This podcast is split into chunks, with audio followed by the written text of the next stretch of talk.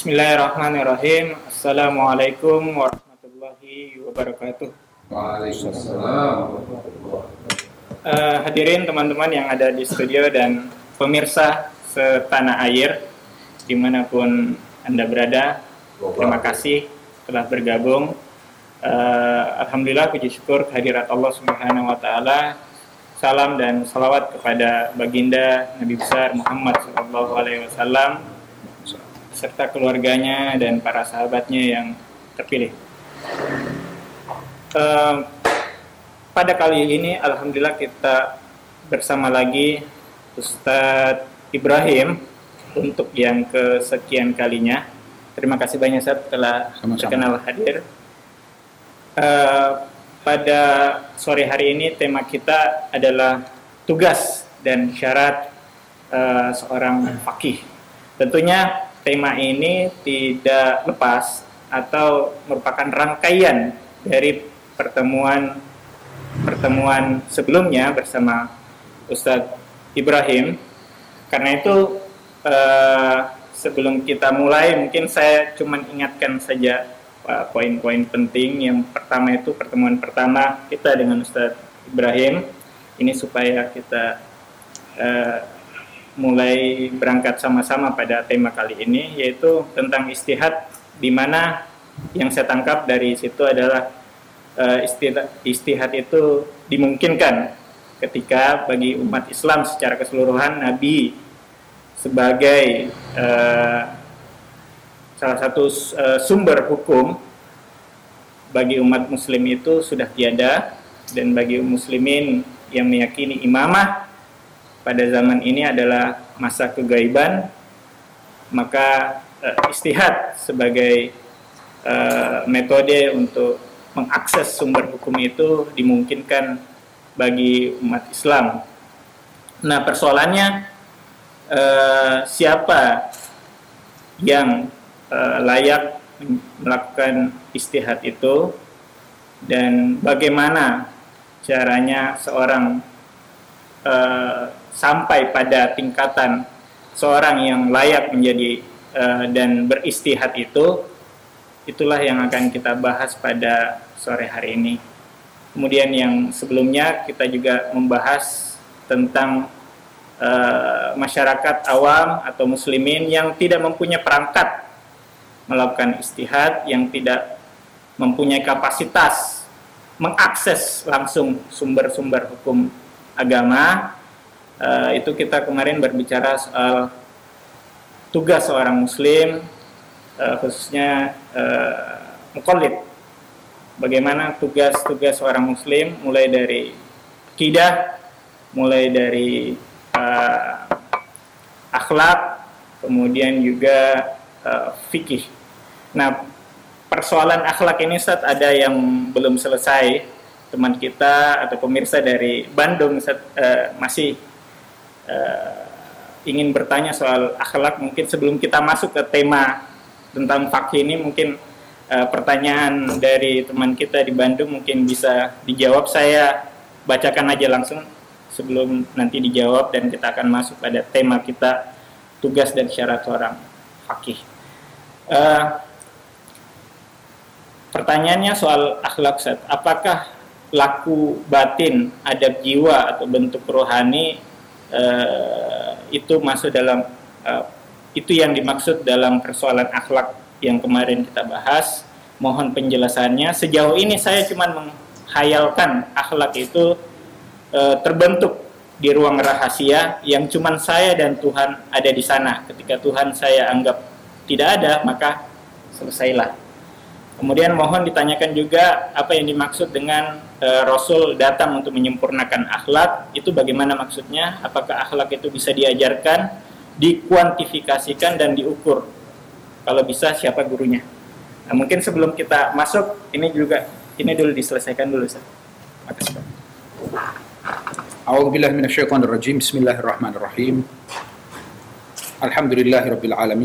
wassalamu ala asyrafil anbiya'i wal mursalin. Habibi ilahil alamin Abil Qasim al-Mustafa Muhammad.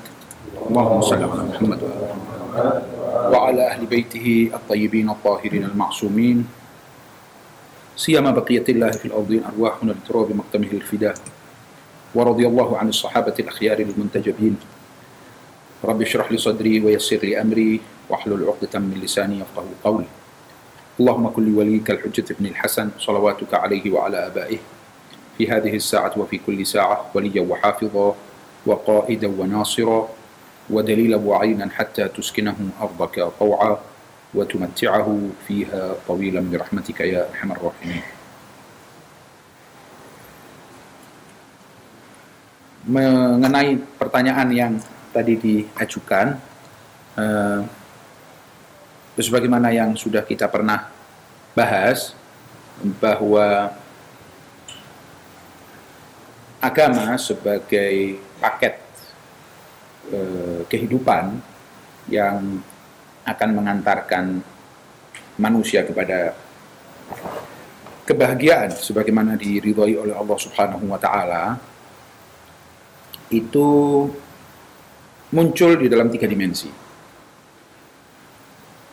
Dimensi keyakinan bahwa seorang kalau mau menjadi muslim maka dia harus mempercayai beberapa hal sesuai dengan dalil-dalilnya dan dengan bukti yang nyata. Misalnya kalau dia percaya Tuhan itu esa, maka dia harus punya bukti yang nyata untuk itu. Kalau Tuhan itu misalnya punya sifat fulan, itu uh, dia harus mengetahuinya dengan bukti yang nyata. Demikian pula tentang kenabian. Kalau memang ada keharusan kita itu mempercayai nabi, Tuhan mengutus para nabi misalnya, itu harus ada dalilnya, harus terbukti, kita harus mantap. Ini bagian akidah, begitu juga tentang hari akhir dan imamah dan yang lain sebagainya. Ini kita sebut sebagai pandangan dunia, usuluddin, apa saja. Yang jelas berkaitan tentang visi atau pandangan mengenai alam, mengenai diri kita, mengenai hubungan kita dengan Tuhan dan seterusnya.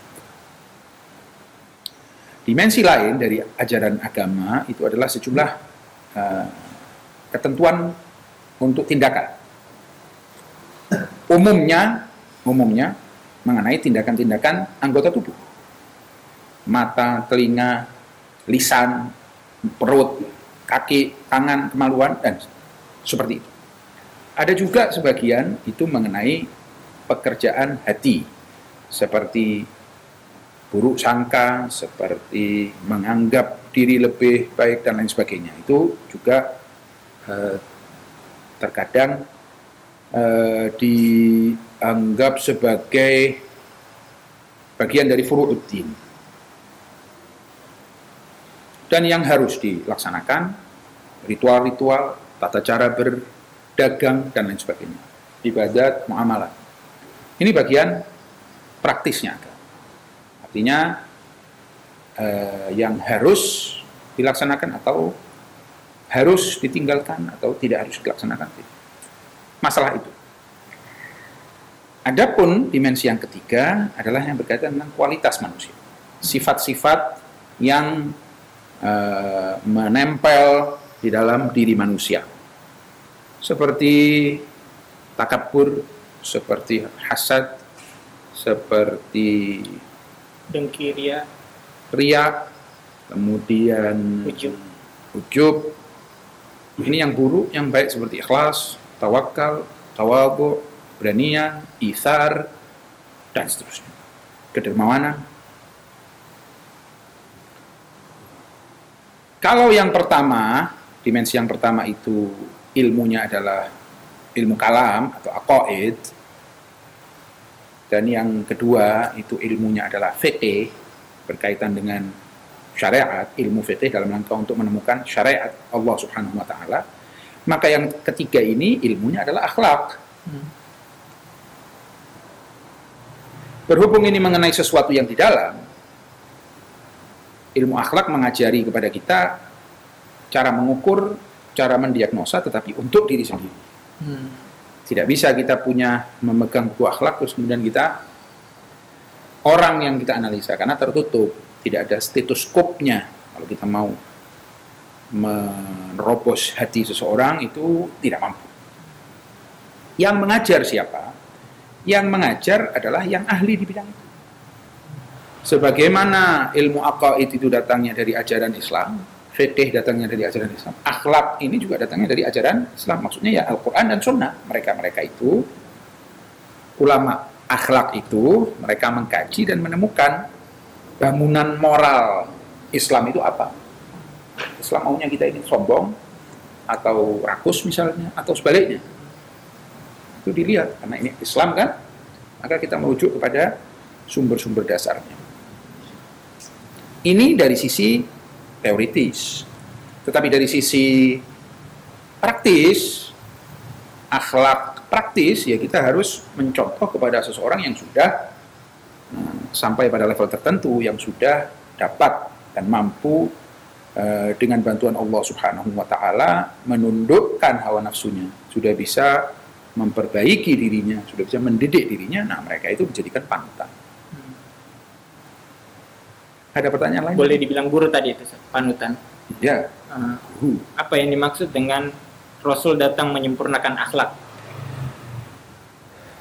Seperti persis yang dikatakan oleh Rasulullah SAW sendiri, itu maksudnya. Yakni beliau datang membeberkan satu, dua, tiga pendahuluan-pendahuluan dalam rangka untuk menyempurnakan innama sesungguhnya aku hanya bu'ithtu aku diutus innama sesungguhnya hanya bu itu aku diutus li utam mima untuk aku sempurnakan makarimal akhlak. Makarimal akhlak ini idhofah lafzi maksudnya akhlakul karimah akhlak yang mulia.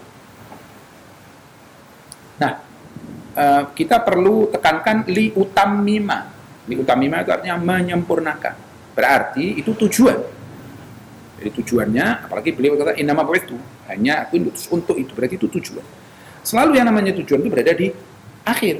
Hmm. Jadi kalau misalnya saya ini bertujuan untuk mencapai uh, gelar uh, eh, PhD di dalam mekanika kalau ada jurusan semacam ini saya nggak tahu kuantum misalnya ya waktu saya sampai di situ saya disebut telah sampai kepada tujuan. Nah, segala aktivitas, segala usaha yang uh, ada sebelum mencapai itu disebut sebagai proses. Oleh sebab itu, yang namanya akhlak itu adalah hasil, adalah buah, adalah puncak ajaran Rasulullah Shallallahu Alaihi Wasallam. Penyempurna ajaran beliau. Artinya kalau cuma akidah saja tidak cukup. Kalau cuma akidah dan fikih saja tidak komplit akidah. Karena itu mau tidak mau. Pertama kan kita harus tahu dulu, baru konsekuensi dari tahu ini melaksanakan. Setelah konsekuensi dari melaksanakan akan membentuk karakter. Karakter pembentukan karakter yang baik itu adalah tujuan. Ya.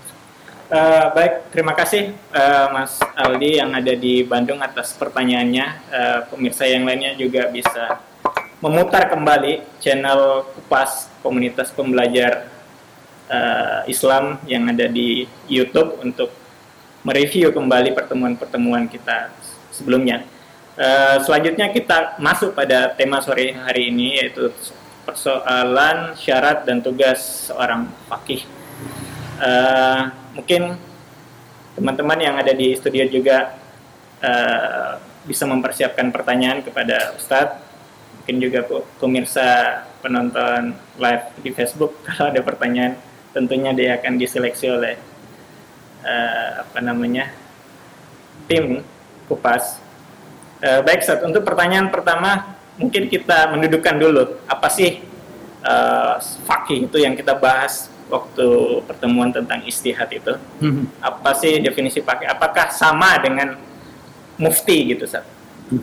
kalau beda apa yang membedakan dan kalau sama kok e, kalimatnya harus e, katanya harus beda gitu satu fakih satu mufti gitu yeah. kemudian mungkin dengan apa namanya hakim Pemu, eh, yang memutuskan suatu Oh, perkara. hakim, hakim, hakim, Ya. Ustaz. Kalau hakim Iya. Artinya Mungkin eh, antum bisa jelaskan sebagai pengantar pendahuluan eh, definisi itu dan perbedaan-perbedaan dengan istilah yang eh, menurut banyak orang mungkin sama Ustaz, mirip gitu, mufti, hakim dan sebagainya. Padahal Ustaz. faqih atau mujtahid di dalam definisi yang kita uh, ikuti setiap orang boleh punya definisinya sendiri-sendiri. Kita tidak memaksakan tapi yang kita maksud jadi kalau kita katakan faqih itu atau mujtahid itu maksudnya orang yang memiliki kemampuan tentunya kemampuan ini setiap era berbeda dengan era yang setelahnya. Makin ke sini makin susah karena kenyataan hidup makin berkembang relasi antar manusia itu eh, menjadi lebih eh, kompleks sementara sumber hukumnya tetap tidak ada tambahan karena sumber hukum di mata kita hanya Al-Quran dan Sunnah yang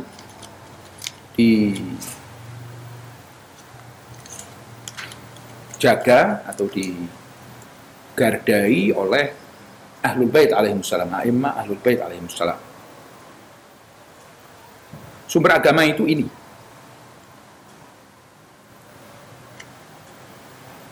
Maka seseorang yang mampu menemukan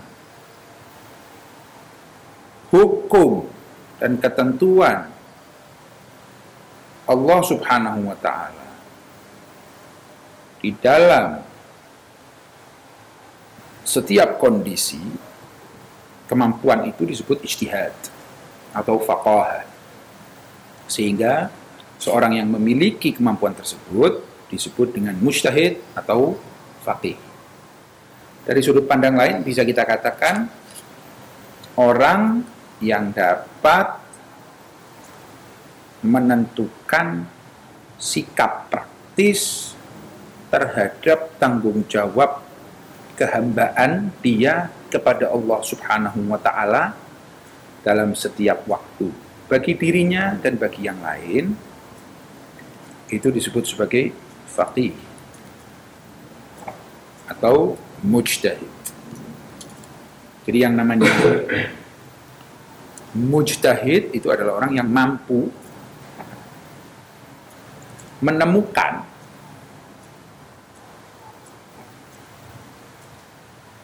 atau meracik resep yang mungkin tersebar di dalam ayat-ayat Al-Quran dan hadis-hadis Ahlul Bait alaihimussalam dan memberinya kepada setiap persoalan manusia secara personal maupun secara komunal. Itu namanya faqih. Untuk seseorang itu menjadi faqih, umumnya pada tahun-tahun ini eh, seseorang harus berada pada usia yang relatif muda untuk memulai belajar. Dan dia perlu fokus kepada apa yang dipelajari. Pada tahap pertama dia disebut mempelajari ilmu-ilmu alat, yaitu bahasa Arab dengan berbagai macam variannya. Ada sorof, ada nahu, ada ma'ani, ada badi', ada bayan, ilmu balaghah. Seperti sorof itu terkadang tidak hanya sekali lewat, tetapi dua atau tiga kali putaran atau ya. Jadi dari A sampai Z yang sederhana, kemudian dari A sampai Z lagi, Level. tapi ya level. Dan yang ketiga, kalau seperti nahu bisa jadi sampai empat kali diawali dengan buku-buku sederhana seperti Ajrumiyah di dalam bahasa Arab, eh, Nahu sampai kepada Mubnil Labib, Babul Awal, Babul Rabi, di mana di sana dibahas secara eh, benar-benar spesifik pendapat-pendapat dan dasar-dasar pendapat dalam ilmu nahu dan seterusnya. Begitu juga balaghah dua atau tiga kali, dua kali. Kemudian eh, logika, mantik eh, sebagai ilmu yang dianggap berbicara seputar definisi dan argumentasi itu dibutuhkan untuk memperkuat pikiran seorang calon mujtahid ini dalam memahami proposisi dan hukum-hukum proposisinya itu. Jadi misalnya saya kalau mengatakan uh,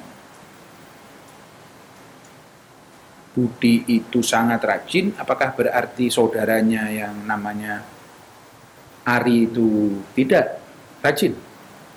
Ataukah tidak bermakna seperti itu? Artinya ketentuan-ketentuan. Jadi jenis-jenis proposisi itu jenis orang ngomong itu seperti apa supaya dia bisa e, menentukan bahwa akal manusia itu membatasi makna setiap ucapan seperti apa. Ini di dalam e, argumentasi begitu juga di dalam definisi. Jadi konsep-konsep di benak manusia ini gimana sebetulnya? E, apa bedanya antara kopi ini dengan kopi itu perbedaannya apa? Kemudian apa efeknya terhadap berpikir? Setelah level ini selesai plus fikih dia kan juga seorang muslim perlu fikih praktis. Dia juga perlu sholat perlu perlu ngerti hukum-hukum itu maka dia belajar juga itu begitu juga akidah secara sederhana. Setelah itu dia masuk kepada proses yang uh, menengah di mana dia mulai belajar fikih dan usul fikih argumentatif. Uh, fikih tidak hanya dibahas sebagai sebuah uh, tips-tips praktis, ya kan, panduan-panduan praktis, tetapi juga mengapa fakih fulan itu, fakih yang satu ini memfatwakan demikian. Kenapa pandangannya begini dan bagaimana hubungannya dengan pandangan yang lain dan seterusnya. Di samping itu dia belajar usulul fiqh. Usulul fiqh teori-teori yang berbicara adalah ilmu yang berbicara tentang eh, hal-hal uh, yang digunakan uh, pada proses penyimpulan hukum tetapi tidak khusus untuk setiap bab yang sifatnya umum. Seperti mutlak muqayyad, seperti am dan khas, lalu kemudian al-mustaqillat, al-aqliyah, apakah akal itu bisa dipakai dalam rangka untuk menyimpulkan ketentuan Tuhan tertentu, siratul uqala, istishab, dan seterusnya. Dan itu pun tidak sekali, seperti uh, satu daurah itu, satu uh, satu ya satu sekali dari awal sampai akhir itu satu uh, periode gitu satu siklus ya dari pertama bab pertama koharo sampai atau taklid sampai kepada bab miraf sudah selesai. Itu disebut satu daurah.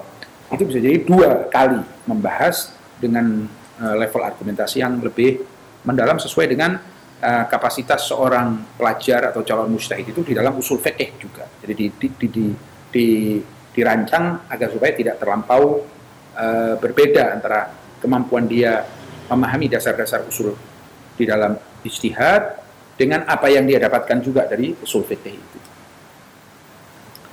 Dan itu dua tiga kali eh, masing-masing, lalu dia masuk kepada level yang advance disebut dengan khawarij, di mana di sana uh, dia menghadapi seorang mustahid yang hidup. Kalau yang tadi itu kan buku, ya, bisa meninggal, bisa sudah meninggal, bisa masih hidup Nah, kali ini dia langsung berhadapan dengan seorang mustahid yang berbicara tentang pendapat dia di dalam usul dan di dalam PP dan dia diasumsikan sudah mulai bisa menemukan pandangan dia sendiri di dalam eh, masalah-masalah uh, yang disampaikan baik itu dalam usul fikih maupun di dalam uh, PP.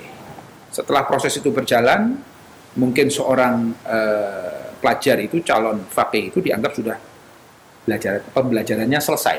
Tinggal hanya saja keahlian yang dia sudah dapat ini harus dia terapkan.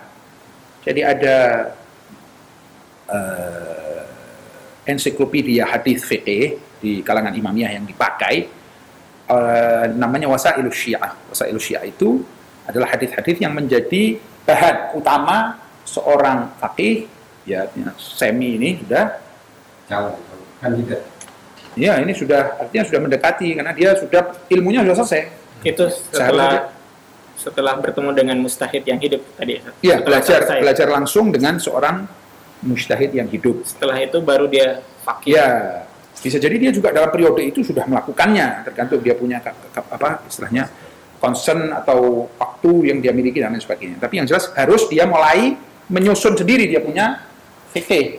Secara umum base dari basic ke advance itu sampai selesai itu secara umum aja kurang lebih berapa tahun rata-rata Yang kita maksud dengan umum ini agak susah di sini karena menyangkut beberapa faktor. Eh, karena tidak ada pembakuan seperti pelajaran akademis, karena basisnya adalah kemampuan.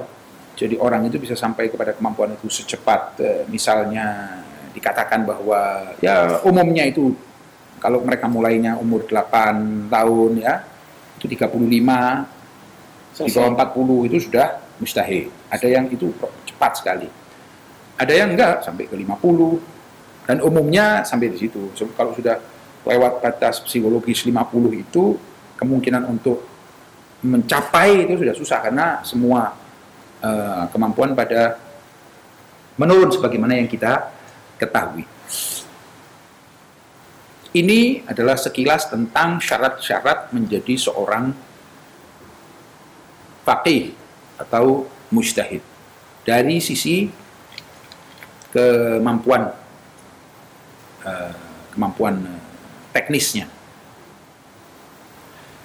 Seorang faqih ini kemudian dia bisa mengambil beberapa peran. Dia bisa mengajar, dia bisa mengambil sebuah fakultas satu, satu bidang yang menurut dia perlu misalnya dia mau menjadi mufasir atau dia menjadi teoritisi politik misalnya atau psikologi Islam misalnya atau segala atribut Islam kalau mau dipakai ekonomi Islam, filsafat Islam, Islam, Islam, Islam itu tidak akan dibenarkan selama orang itu tidak mustahid. Karena Islam seperti apa kalau rujukannya itu misalnya pemikir lain. Jadi tidak dibenar itu silsilah penisbatannya tidak akan benar. Saya ahli dalam filsafat Islam tetapi dia tidak mampu memahami Al-Quran dan Sunnah secara ahli ya, tidak memahami secara sebagai seorang ahli, sebagai seorang expert. Bukan tidak bisa memahami sebagai seorang yang membaca Al-Quran, tapi yang expert. Maka tidak bisa. Begitu juga ekonomi Islam, sistem sosial Islam, eh, dan seterusnya. Dia menjadi kehilangan eh, legitimasi. Bukan di dalam keahliannya, dia sih bisa jadi ahli, tapi keislamannya ini, dia menisbatkan ini kepada Islam kan, harus ada Saya Keahlian. kon- konfirmasi mustahid berarti di situ bisa disebut ulama juga Ustaz, ya? Dia sudah ulama. Ya, kalau ulama itu ungkapan yang lebih luas lagi. Hmm. Ulama itu seorang yang pandai, pintar, ya kan? Bisa jadi dia bukan mujtahid tapi alim. Hmm. Kenapa? Karena banyak baca. Dia ahli sejarah misalnya. Sejarah tidak perlu istihad di situ. Tidak Jadi tidak semua Islam. ulama mustahid. Nah, tidak semua ulama mujtahid tidak ya. Seperti misalnya seorang muarikh, seorang ahli sejarah. Walaupun sejarah Islam, tetapi sejarah ini bukan sesuatu yang dinisbatkan kepada Islam, tapi ya ceritanya kan gitu. Kita tidak mengambil wahai Islam sejarahmu apa kan tidak begitu, tinggal dilihat aja.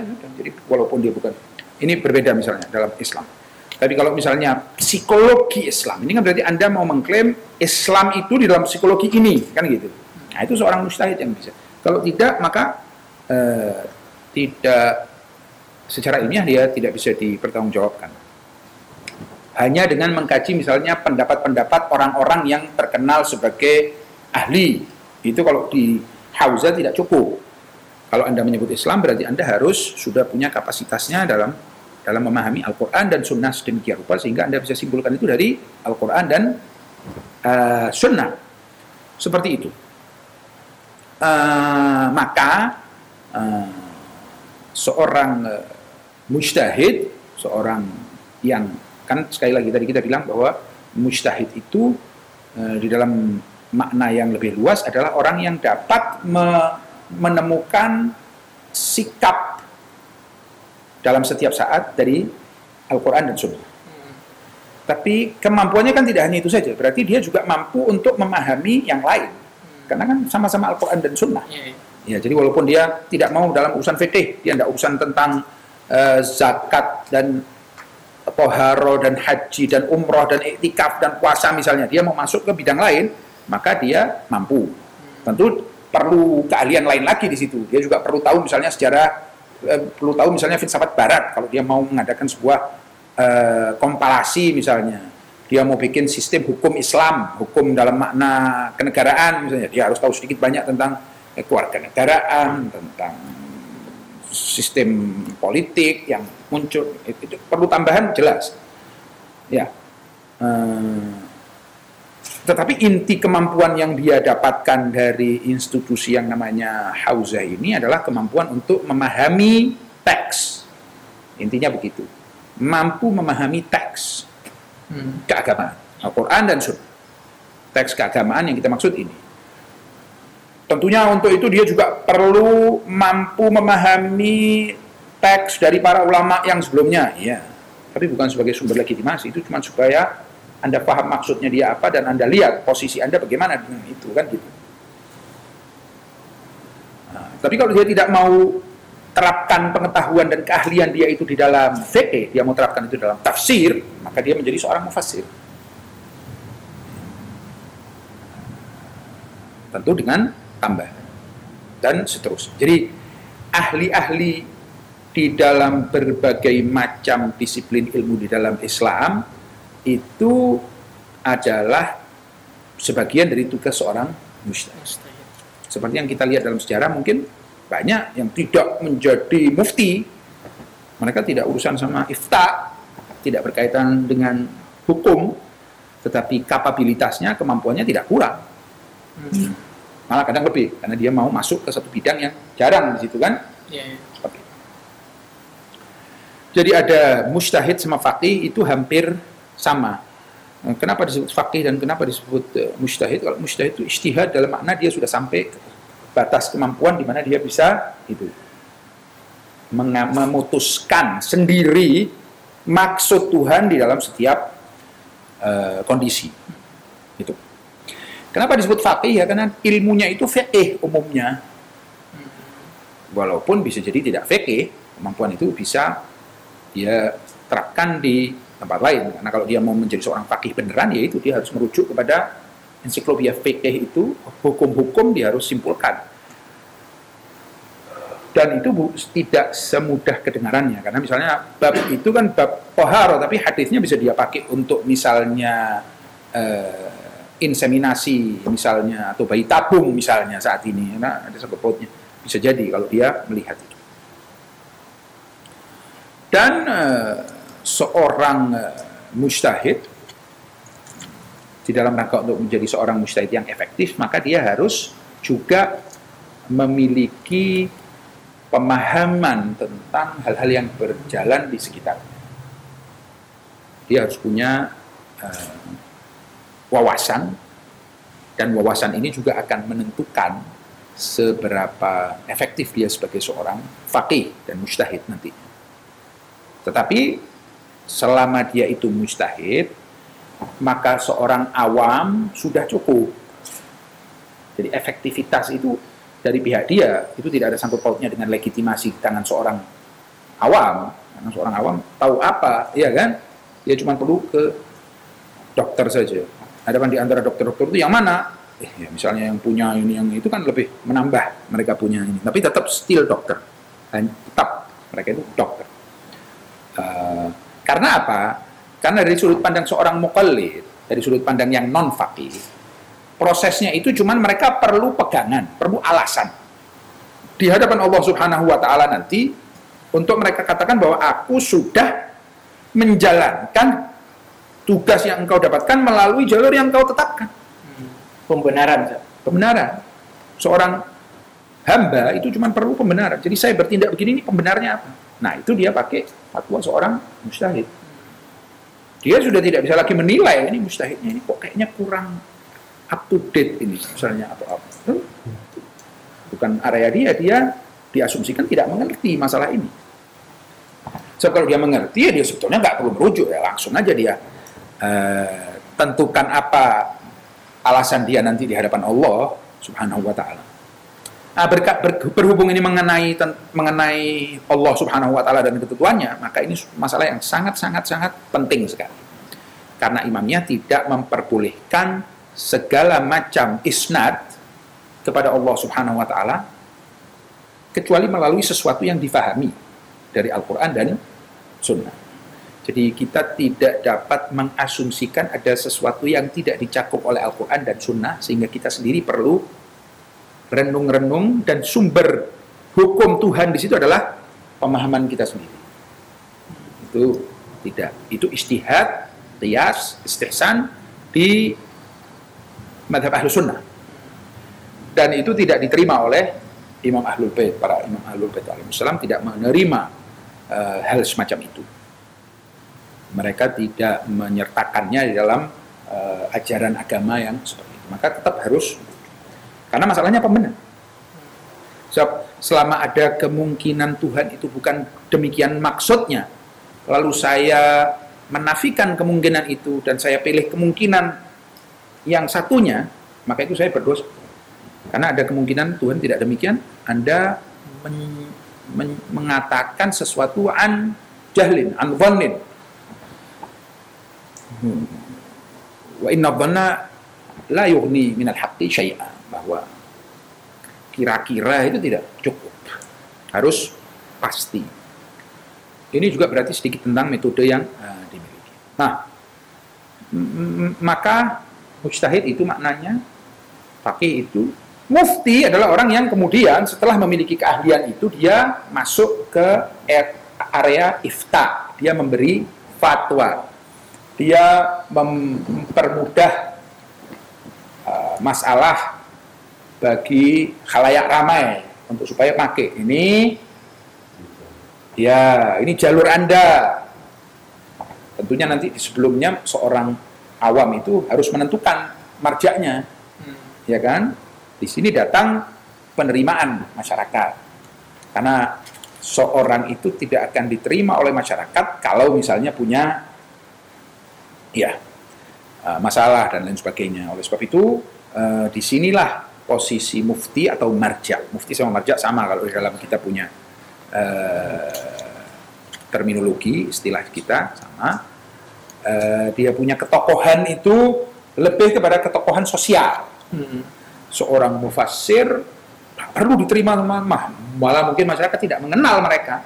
Tapi ya dia di dalam kesendiriannya di dalam kamarnya itu menulis tafsir sesuai yang dimaksud oleh uh, yang dia fahami dari agama. Tentunya pemahaman ini adalah pemahaman yang legit, legitimate, legitimate, yang terlegitimasi berbeda berbeda dengan pemahaman setiap saat yang orang ambil lalu saja itu tidak dibenarkan.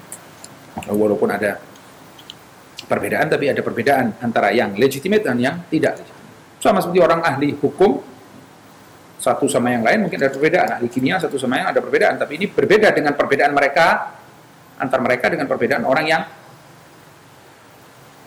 tidak tahu menau apakah kimia itu disiplin ilmu ataukah nama seorang gadis maka di situ ada perbedaan uh, mufti sama marja ini adalah uh, sedikit tentang mustahid, faqih, mufti dan marja. Satu lagi hakim.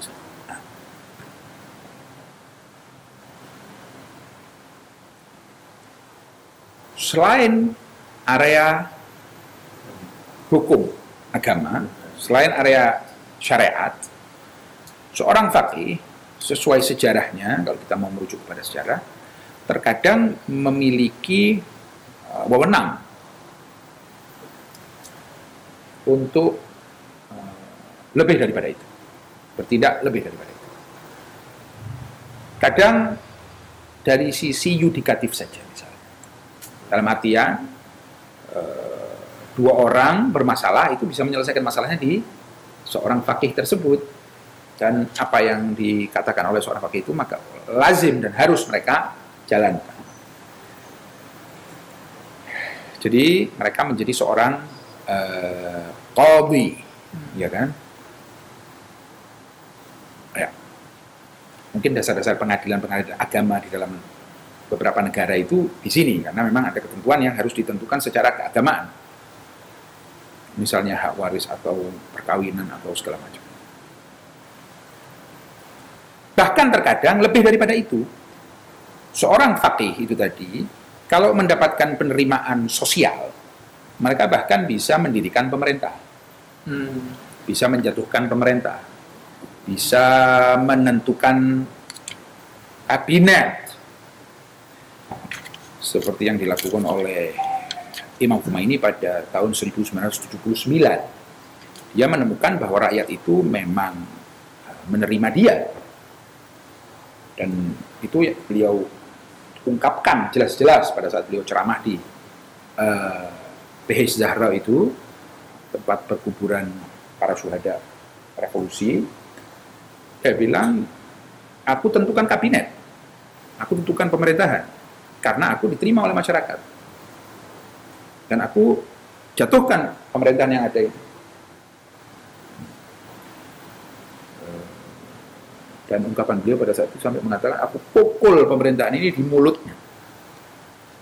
Karena tidak lagi legitimen, tidak diterima oleh masyarakat. Datang dari mana? Kerajaan, raja menentukan. Tidak eh, demokrasi, tidak demokratis, tidak dekat dan tidak jauh dari demokrasi. Eh, tidak dekat, tidak jauh, maksudnya sama sekali tidak ada hubungan, tidak. Ya, sehingga hmm, seperti peran seorang fakih di dalam pemerintahan ini, asumsinya seperti apa?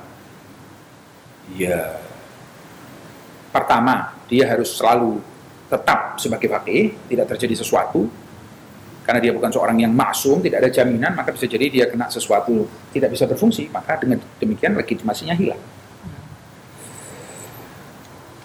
Atau dia tidak melanggar aturan agama. Selama itu, maka setelah seorang fakih itu Eh, diterima oleh masyarakat, maka itu eh, istilahnya pemerintahannya akan berjalan.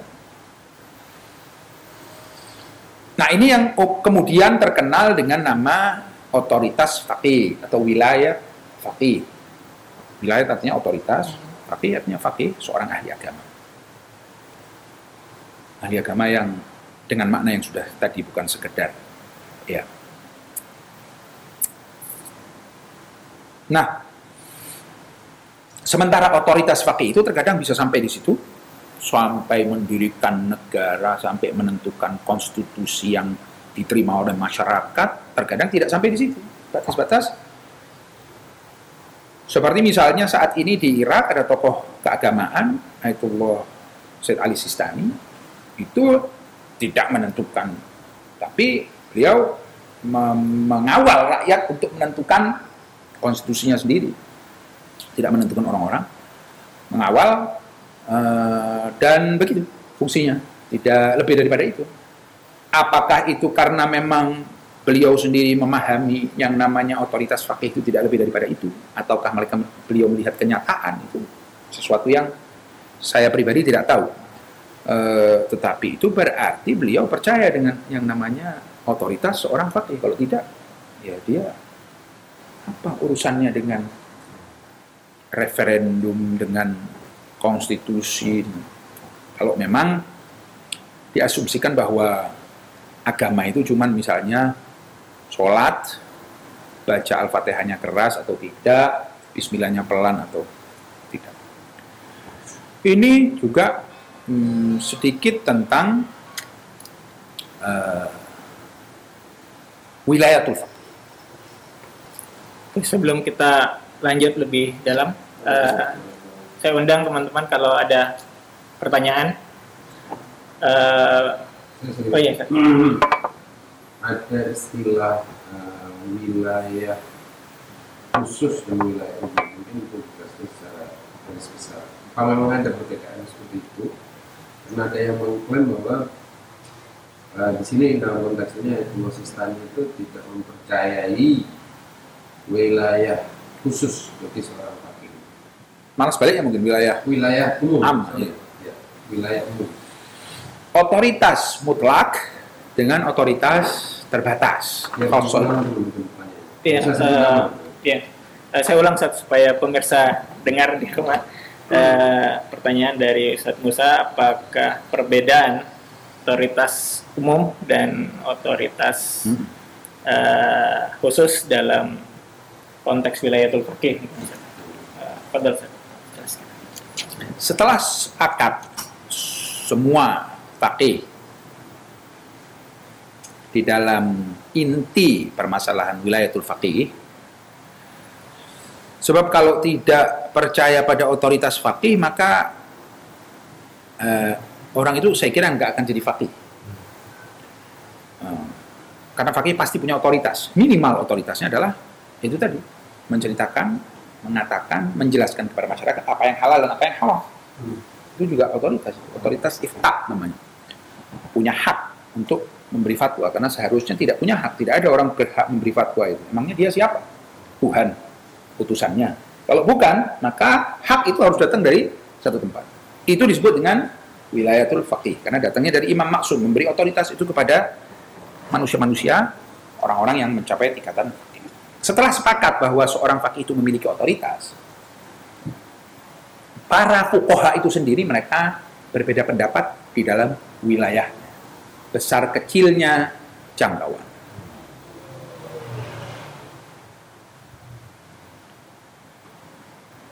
Perbedaannya itu datang dari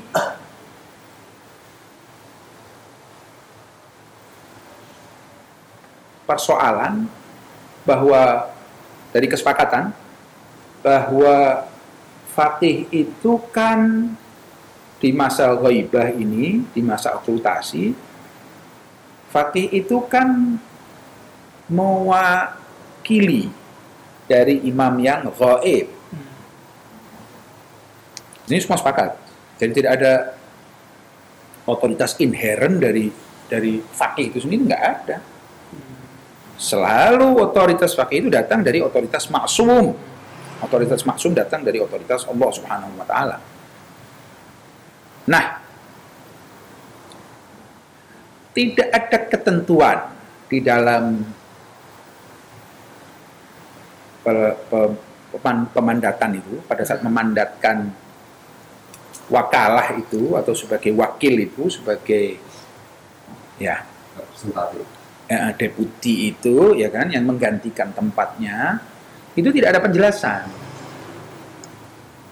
Nah, seperti Imam Khomeini itu menganggap kalau tidak ada penjelasan wilayah berarti maknanya adalah seluruh kapasitas seorang imam itu diwakili oleh seorang Fakih. fakih kecuali yang terbukti tidak. Jadi kalau di sana sini kita temukan bahwa oh ini bukan, ya itu keluar. Di sini misalnya seorang fakih nggak berhak keluar. Jadi Apa salah satunya? nanti Iya. dulu kita nanti anda catat. Jadi itu begini. Imam Khomeini memahaminya bahwa seorang fakih itu adalah wakil dari seorang maksum dalam segala hal kecuali yang keluar dari keseluruhan. Ya. Misalnya Istilahnya Seorang- pernyataan positif, afirmatif. Ah, mutlak istilahnya di dalam ini. Jadi kalau misalnya saya bilang bahwa ah, Mas ini punya semua yang ada, punya yang di rumah ini, tidak bilang semua ya, nggak bilang semua. Punya rumah ini, ya itu artinya dia punya semua yang di rumah ini. Besok misalnya saya katakan motor itu punya orang lain, nah, motor keluar dari keseluruhan. Betul? Besok lagi misalnya gantungan baju itu. Jadi untuk sesuatu itu keluar dari hak milik yang umum tadi perlu bukti.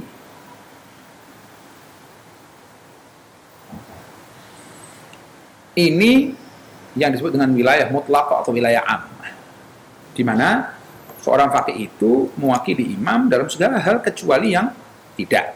Nanti yang tidak apa akan kita bahas. Di sisi lain, seperti ayatullah UI misalnya, itu tidak melihat perwakilan tersebut kecuali dalam masalah yang terbatas. Lebih daripada wilayah yang terbatas ini butuh dalil, butuh pembuktian baru. Dia sebaliknya ya. Ya itu. ha. Jadi yang persis kita tahu bahwa bahwa fakih mewakili imam ya itu kita percaya. Kalau masih ragu, mana buktinya? Harus dibuktikan. Berbeda kalau imam ini semuanya itu dia wakil. Kalau ada yang bukan itu perlu dalil. Dan selama ada dalil, ya kita terima bahwa itu bukan.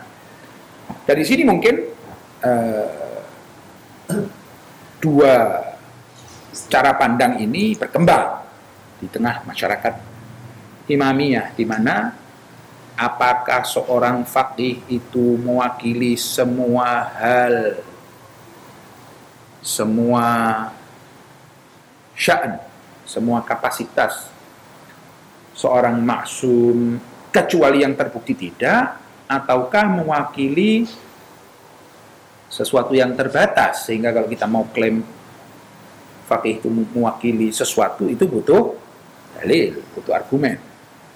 Jadi ya, yang sana bilang kalau ada sesuatu harus keluar perlu perlu surat. Di sini kalau sesuatu masuk harus pakai surat. Hmm, perumpamaan sederhananya. Nah, di antara yang jelas-jelas bukan wilayah seorang faqih di mata Imam Khomeini dalam wilayah mutlak itu adalah memulai perang. Hmm. Ya, memulai perang itu hanya hak dari seorang maksum mengumumkan perang. Eh, tetapi bertahan itu berbeda dengan mengumumkan perang. Bertahan itu artinya itu bahkan tidak perlu izin. Kalau seseorang itu menyerang ya harus di mempertahankan diri, mempertahankan nyawa, mempertahankan harta itu tidak perlu izin. Tetapi menyerang itu perlu izin. Ada agresi tidak sebagai pertahanan. Kadang pertahanan pun kita perlu ya, tidak hanya menangkis tapi kita juga perlu memukul dalam perhitungan pertahanan. Kalau bukan bertahan maka itu harus izin, ada izin. Nah, ini jelas dikeluarkan karena hadisnya apa bahwa itu tidak itu khusus dan lain sebagainya. Itu kita tahu seperti itu. Hmm, seperti itu. Sementara kalau Ayatullah UI percayanya bahwa seorang fakih di masa khaifah itu berhak mengatur yang disebut dengan al-umur al-hisbiyah. Al-umur al-hisbiyah ini adalah hal-hal yang mana kita tahu Allah Subhanahu wa taala rasulnya dan a'imah tidak rela, tidak sudi. Kita tahu persis, yakin bahwa mereka tidak sudi hal itu terbengkalai. Maka itu harus ada yang ngatur. Siapa yang ngatur? Fakih ini. Seperti anak-anak yatim, seperti wakaf, seperti orang-orang yang uh, tidak punya wali ya, orang terbelakang mental segala macam, orang yang khusus itu kasus itu perlu ditangani oleh seorang fakih. Seperti itu. Nah, kalau humus dana agama ini itu kalau tidak kita asumsikan adanya pemerintahan fakih ya, kalau kita tidak menganggap bahwa di sana ada seorang fakih yang berkuasa ya, maka humus itu adalah dana imam. Dana imam akan kembali kepada siapa? Ya yang mewakili.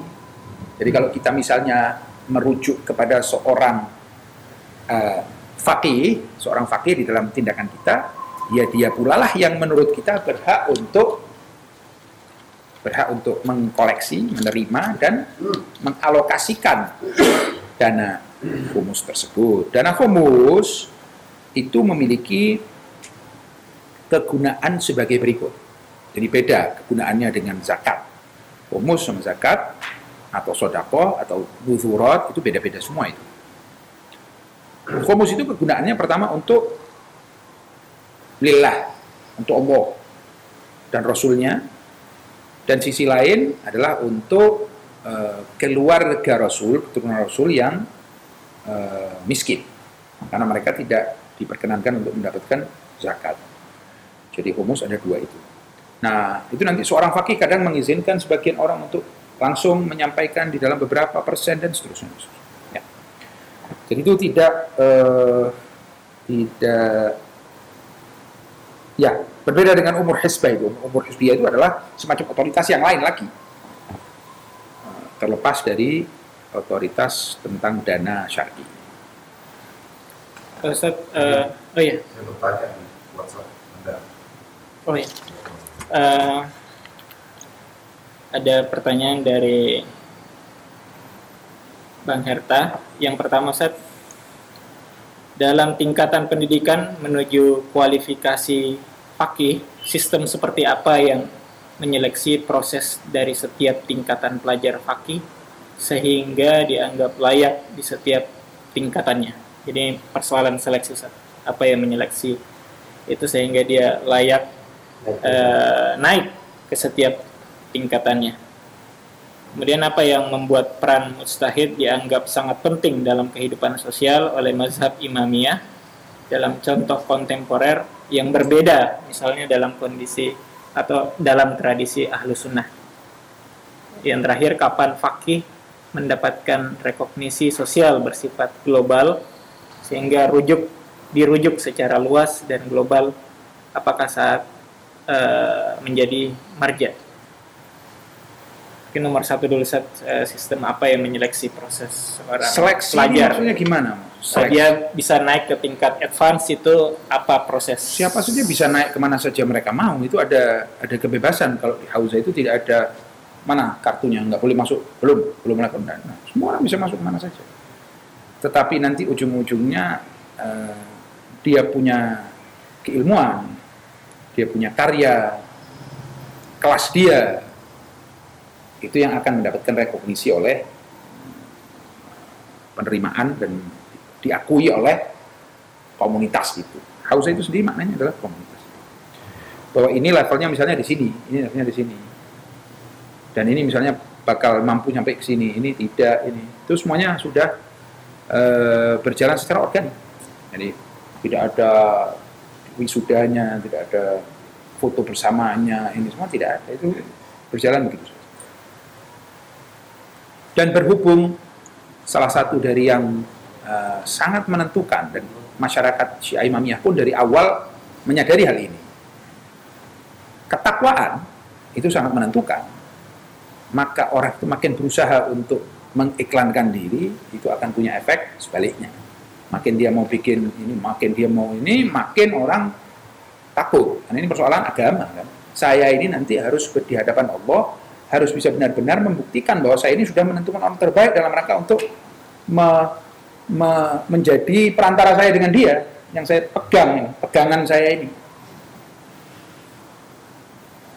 Maka umumnya masyarakat khususnya yang berada di lingkaran terdekat dan kemudian terdekat dan terdekat lagi itu dengan mudah memahami. Walaupun orang kalau dari jauh mungkin ya itu pegangan mereka adalah foto, makin banyak fotonya berarti ini makin hebat, makin ini itu tidak demikian.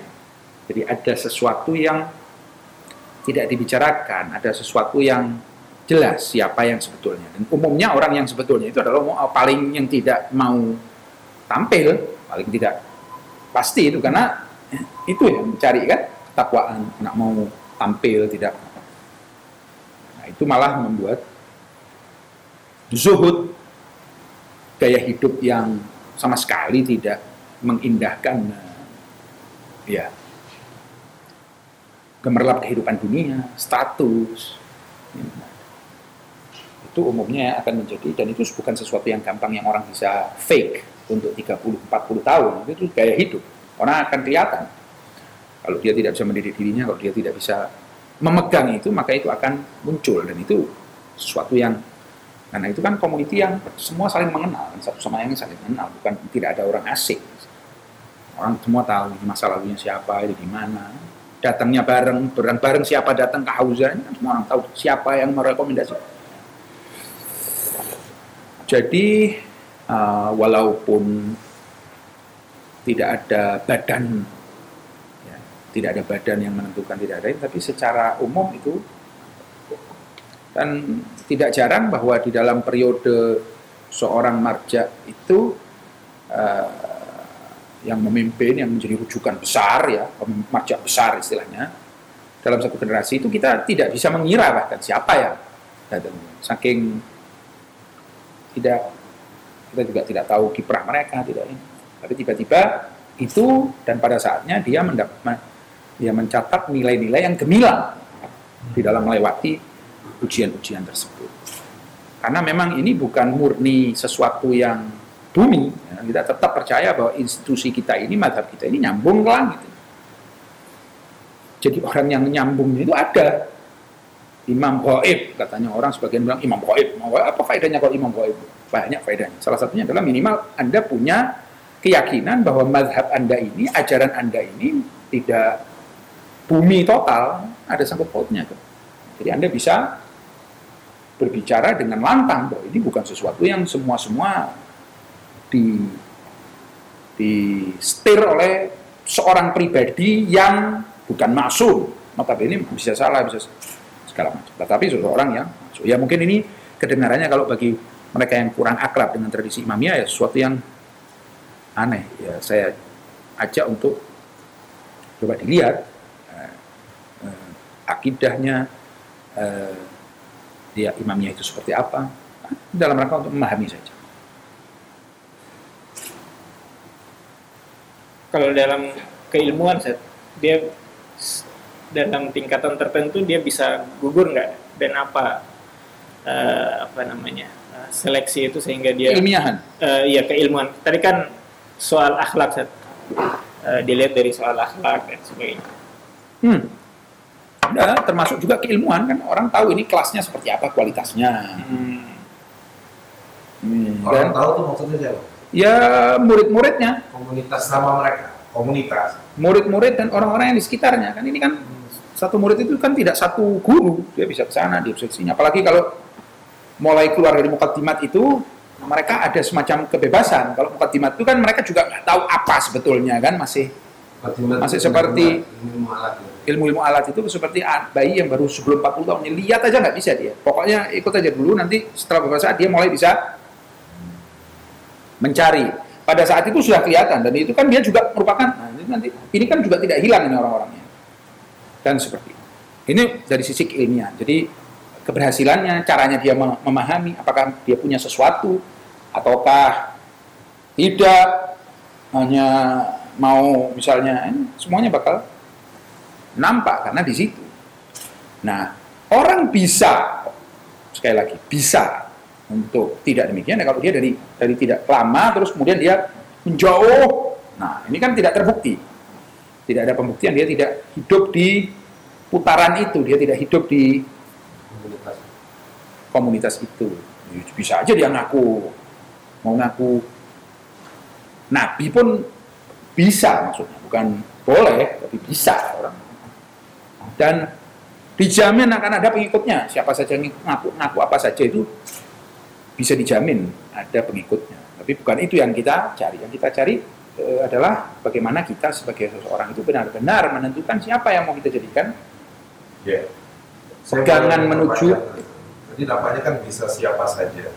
Jadi dalam prosesnya juga terlihat ada rekomendasi ada orang yang melakukan pemonitoran dan lain sebagainya. Artinya dalam kualifikasi seperti itu meskipun bisa siapa saja tetap penting dalam komunitas klauza itu berjalan kualifikasi atau tingkatannya berdasarkan rekomendasi dari orang-orang atau seperti apa? Kalau bagi mereka yang di luar, orang luar hausa, pegawai negeri misalnya, atau montir misalnya, ya dia harus melalui orang-orang yang dia kenal yang memiliki masa lalu di hausa, yang dia juga mengenal bahwa mereka ini nyambung dengan yang besar-besar yang mereka kenal. Jadi gitu, bisa memberikan So kalau tidak sama sekali ya kita sendiri nggak mungkin bisa tahu karena ini sama-sama ya. mirip sekali. Kita tidak bisa tahu itu perbedaan kajian yang kosong dengan kajian yang benar-benar dalam itu kita sebagai orang yang dari jauh nggak mungkin bisa memahami kan memang natural itu bahasa teknis ada karena kan kadang orang itu mengatakan sesuatu saja yang kedengarannya bagus padahal tidak sesuai dengan ajaran kan saya mau gambarkan supaya lebih mungkin sederhana yang dalam komunitas itu Ustaz. Misalnya eh, saya dari awal di Hausa, kemudian dalam tingkatan tertentu saya memiliki cacat baik dari segi akhlak maupun ini. Kemudian pada tingkat selanjutnya saya mau belajar ke antum. Antum menolak karena Tidak ada eh, penolakan enggak? Siapa saja bisa itu. Oh begitu. Kalau misalnya dalam eh, apa namanya perjalanan eh, saya menuju mustahid itu ada cacat misalnya akhlak dari akhlak kemudian atau ilmu gitu. Kemudian apa yang menggugurkan saya ke tingkat selanjutnya? Secara natural itu akan gugur. Natural mak- maksudnya gimana Ustaz? sanksi sosial Di- maksudnya dia juga. dipecat atau- karena memang juga dari satu sisi kita di dalam hauza ini kan menggunakan yang namanya ajaran menutupi keburukan. Kalau ada keburukan orang Ya, kita ya. tutupi, tidak boleh keburukan itu disebar-sebarkan. Tetapi pada waktu yang tertentu itu orang akan tahu kan gitu kan kalangan itu kalau sampai misalnya orang terus mau dia yang menjadi nah itu tidak itu sudah sudah batasnya di situ jadi ada macam-macam pembatasan. Ada batasan kemampuan. Jadi ada orang belajar di Hausa, kemampuannya ya cuman bisa menjelaskan hukum fikih yang ada ini kepada orang yang membutuhkan. Ngajarin risalah amalia istilahnya. Duduk, orang nanya saya kalau mau sholat bagaimana? Nah itu. Ada lagi yang, ya jadi berhenti di mana itu masih ada fungsinya dia kan. Hmm. Minimal dia bisa ngajar ngaji lah istilahnya kalau di sini kan. Kalau misalnya betul-betul dia tidak punya kemampuan. Dan itu yang namanya gugur itu memang sering karena memang kehidupannya tidak gampang kan. Iya. Oh, Tidak ada tidak ada ya orang kalau mau mencari dunia di situ itu termasuk dari orang yang paling eh, desperate ya, orang paling orang yang paling desperate di dunia sampai mungkin akan terasing di situ. Selain dia akan terasing, dia tidak akan dapat dunia dan tentu saja tidak akan dapat akhirat karena memang ini bukan tempatnya gitu sama seperti Hmm. Nah, kita mau beli rokok di pom bensin nah. seperti gitu. Jadi uh, itu sudah memang membutuhkan sesuatu. Nah ini kadang orang di tengah jalan bisa lepas, bisa lepas dari berbagai. Ada yang kepingin memang, tapi tidak mungkin kenyataannya tidak mungkin. Ada yang begitu, ada yang uh, kemudian dia sampai di situ saja batas. Hmm. Ya. Baik orang suci orang tapi kemampuan ilmiahnya tertentu. Nah itu sudah sampai di situ. Jadi dia misalnya ngajar misalnya ngajar kharij, eh maaf ngajar subuh ya kan sudah di situ karena sudah sudah sampainya di situ. Ada yang jadi ada itu dan mereka itu semuanya membentuk satu komunitas. Mereka yang tahu kan karena berhubung tidak ada orang tidak ada mau memaksakan diri karena dia tahu ini tidak akan sukses. Dia akan tahu saya itu tambah jadi gimana ya? Seperti seorang yang makin bergerak di sarang laba-laba makin terbelenggu dia, makin bergerak makin terbelenggu. Jadi orang tidak perlu ketakwaan yang besar sekali dia untuk sadar bahwa dia bukan itu. The self censorship. Iya, iya kita juga tahu loh ini bukan begini. Tapi saya mau kelabui ya. Kalau saya mau keluar ke kalangan ini, ini bisa. Tapi kalau di sini tidak mungkin. Karena itu sudah sudah tradisi yang berjalan seribu tahun begitu dari satu guru ke guru lain dan selama ini memang tidak pernah kita kejadian di mana eh, seseorang yang menjadi rujukan itu tiba-tiba terbukti oh, ya, itu tidak ada. Oke, Ustaz. Seperti Jadi, kalau yang masalah sosial Ustaz, peran mustahid dianggap eh, apa yang membuat peran mustahid dianggap penting dalam kehidupan sosial oleh mazhab imamiyah dan menjadi pembeda bagi ahlu sunnah. Eh, apa ada contohnya Ustaz? saya tidak punya kapasitas untuk berbicara mengenai ahlu sunnah karena saya bukan Ya. ahli di bidang itu.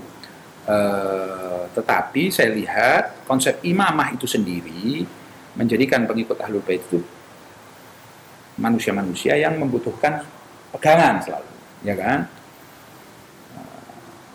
Mereka tidak menikmati demokrasi atau sistem-sistem lain di dalam kepemimpinan seperti di ahlu sunnah. Pada tahap awal itu orang bisa ijma, bisa misalnya ahlul halli wal aqd atau. Kalau kita enggak, kita me- mengharuskan itu ditun- ditunjuk oleh Allah dan proses itu lama sampai tahun 325-an Hijriah itu kita begitu terus.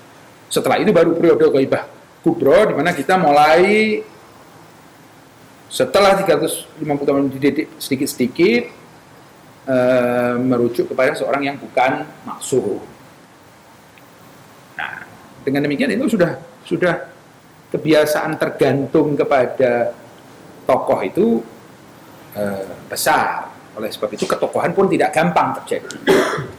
Jadi eh, eh, seperti.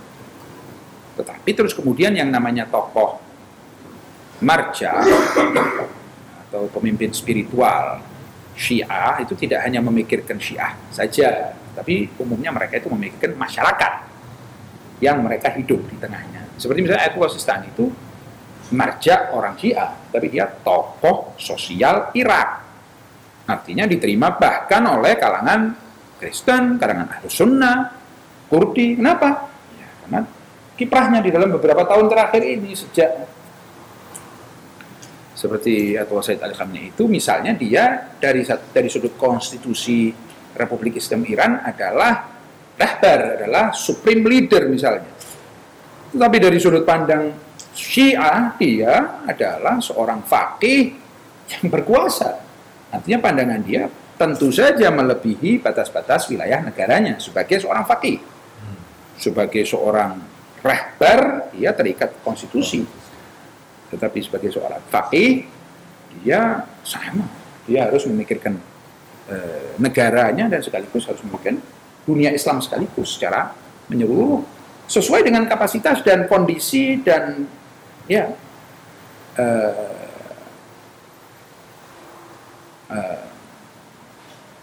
alat-alat yang dimiliki oleh seorang fakih pada waktunya.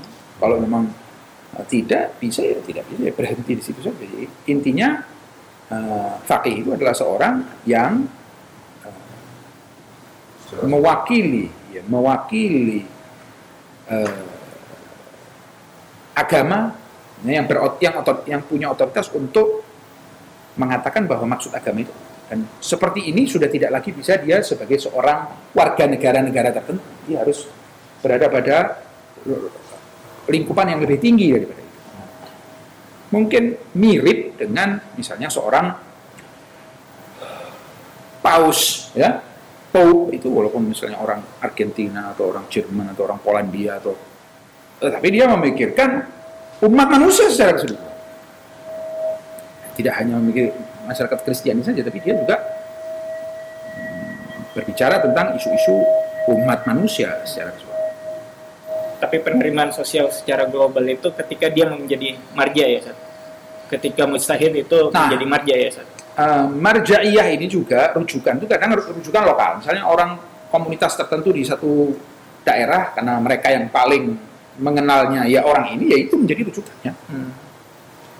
misalnya seorang marja di daerah tertentu itu umumnya mereka taklid sama fulan. Ya kenapa? Karena dia anak situ mereka tahu sejarahnya masa lalunya ini segala macam. Daripada orang yang jauh ya. Terus kapan diterima secara global ngerja itu? Nah, terkadang tidak pernah diterima secara global. Jadi yang diterima secara global itu terkadang tidak ada lokal jadinya. Tapi pernah di masa-masa itu yang semua orang Syiah itu berhubung besarnya karakter karena itu persoalannya. Yeah. Jadi seorang seorang uh, uh, mujtahid atau fakih itu kita tidak tahu nanti ini. Jadi ini bukan seperti insinyur gitu yang jelas ini kemampuannya segini dan ini belum sampai namanya mustahid itu kadang seperti luar biasa ya kadang enggak ya cukup untuk menyelesaikan persoalan saja makanya kapasitas yang berbeda-beda itu yang bisa nah, dan penerimaannya dan karakteristiknya karismanya itu yang menentukan apakah seorang fakih ini akhirnya diterima secara global atau tidak diterima secara global tapi diterima secara lokal misalnya hmm. Bisa jadi jadi ada masa-masa tertentu yang satu orang menjadi rujukan semua orang di dalam masalah agamanya. Ya, begitu juga misalnya kadang dia punya sikap politik, sikap sosial itu tergantung semuanya. Dan seperti itu. Hmm. Segala macam. Oke, eh, baiklah eh, pemirsa yang ada di rumah. Tidak terasa juga saya melihat sudah satu jam lebih sedikit kita eh, sampai pada penghujung acara. Eh, namun sebelum tutup mungkin sedikit saja. Eh, fenomena eh, ulama yang dirujuk di era digital ini. Ada katanya gejala eh, impersonalisasi. Jadi berujuk pada seorang itu sudah mulai tergerus karena adanya internet. Bagaimana cara sholat gaib secara di internet. Kemudian muncul entah dari siapa yang penting. Maksudnya saya mau ini eh, melihat pada konteks Indonesia. Ustaz. Ah, ah. Eh, dengan fakih yang sedemikian ketatnya tadi dan sangat pentingnya menjadi rujukan seorang fakih itu. Ah, di tengah digital ini saran aja Sat, pesan sebelum menutup kepada pemirsa dan sebagainya di zaman digitalisasi ini eh, bagaimana antum melihat? Sekali lagi, kita membutuhkan rujukan itu hanya karena kita butuh pegangan yang benar di hadapan Allah Subhanahu Subhanahu wa taala nanti pada saat kita dipertanyakan kamu kok begitu.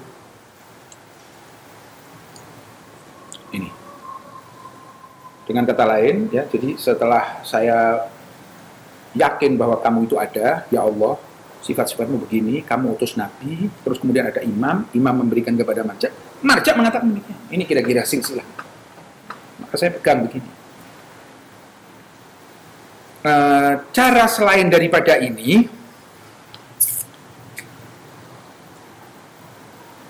karena Google itu pada tahap pertama jawaban setelah saya tanya itu bilang begini, ya Allah, nggak tahu itu bisa diterima atau enggak. Kalau memang ada ada dalilnya bahwa wahai orang-orang beriman, jika kalian tidak tahu tentang sebuah hukum, maka tekanlah Google dan jawaban pertama lah ambil misalnya. Maka itu juga diperbolehkan, berarti itu pegangan yang eh, sah. Hmm. Hanya saja tidak jika tidak jika tidak demikian, maka ya nggak tahu. Berarti ini orang menurut saya kalau dia begitu karena dia belum tahu tugas dia sebagai seorang muslim pada saat dia harus sholat, pada saat dia harus sholat goib, misalnya itu iya atau enggak, itu dia nggak tahu harus merujuk kepada siapa. Berhubung di dunia ini sekarang lagi tren orang merujuk kepada mesin uh, search engine, mesin pen- pencari, ya dia merujuk situ. Ya, ini perlu disayangkan karena anda sebelum segala sesuatu adalah seorang manusia dan setelah itu Anda manusia yang beriman kepada Tuhan dan setelah itu Anda manusia yang menghamba kepada yang mau taat kepada Allah. Maka ketaatan kepada Allah ini harus datang dari sumber yang dibenarkan oleh Allah Subhanahu wa taala sendiri melalui sebuah jalur yang jelas ujung-ujungnya ke mana. Seperti itu. Eh, jadi rujukan sebagai kita sebagai mukallid merujuk juga harus memiliki landasan ya. Iya, karena Iya. sekedar oh ini orang pakai surban, ada jenggotnya misalnya, terus punya situs. Nggak cukup. Siapa saja bisa kayak begitu. Anda harus eh, lebih keras usahanya di dalam masalah agama. Sebagaimana Anda keras usahanya kalau di dalam bidang-bidang duniawi, ya kan kalau sertifikat rumah misalnya itu segampang itu kan Anda bersikap.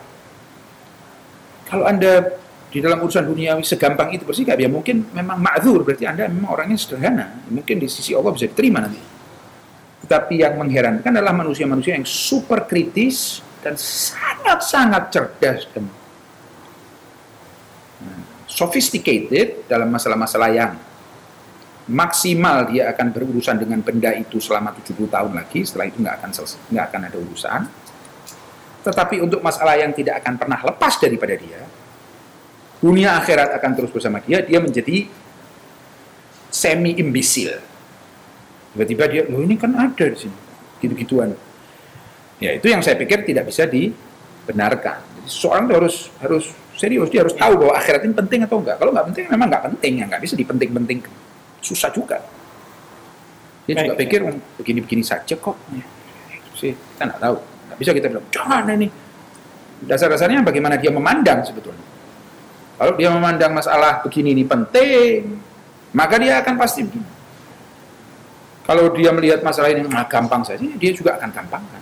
Yang penting itu masalah sertifikat rumah. Kalau Anda mau investasi uang 2-3 miliar, nah itu harus hati-hati. Jadi kalau masalah sholat atau enggak, begini-begini sedikit itu sih, kan akhirat itu kan. Nah, kalau begitu pandangannya apa?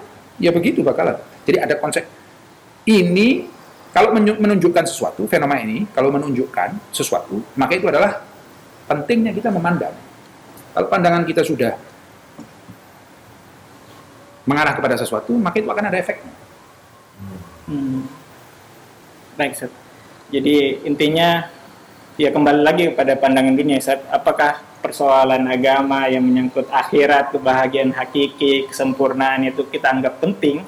Kalau kita anggap penting dan serius ya jangan menggampangkan ya. Mm-mm. Termasuk merujuk kepada siapa itu jangan eh, ya jangan asal-asalan, jangan menggampang-gampangkan gitu. Jadi ya, betul-betul harus serius mencari rujukan itu yang dapat dipertanggungjawabkan uh, dunia dan akhirat. Uh, terima kasih Ustaz atas kesempatannya. Sebelum Uh, Anda selesaikan, dan barang siapa yang mau mencari, maka dia akan menemukan. Barang Hmm. siapa yang, apalagi ya, kalau Anda misalnya hati-hati dalam urusan dunia investasi 3 miliar setengah, hati-hati betul itu bisa jadi tetap gagal. Tapi kalau Anda betul-betul memohon sama Allah Subhanahu wa taala tentang urusan akhirat dan bagaimana ini ketakutan dan ketakwaan kepada Allah itu, maka Allah akan membantu. Akan ada jalan keluar. Iya. Eh, demikian pesan yang sangat eh, cerahkan dari Ustadz Ibrahim. Insya Allah kita akan bertemu lagi di lain waktu dan akan membahas pada dengan eh, tema-tema yang lebih menarik lagi, tentunya dalam channel yang sama komunitas pembelajar Islam. Terima kasih banyak Ustadz sekali lagi Sama-sama. Saya dan juga teman-teman hadirin yang menonton di mana pun anda berada. Wabillahi taufiq wal hidayah. Wassalamualaikum warahmatullahi wabarakatuh. Waalaikumsalam. Waalaikumsalam. uh,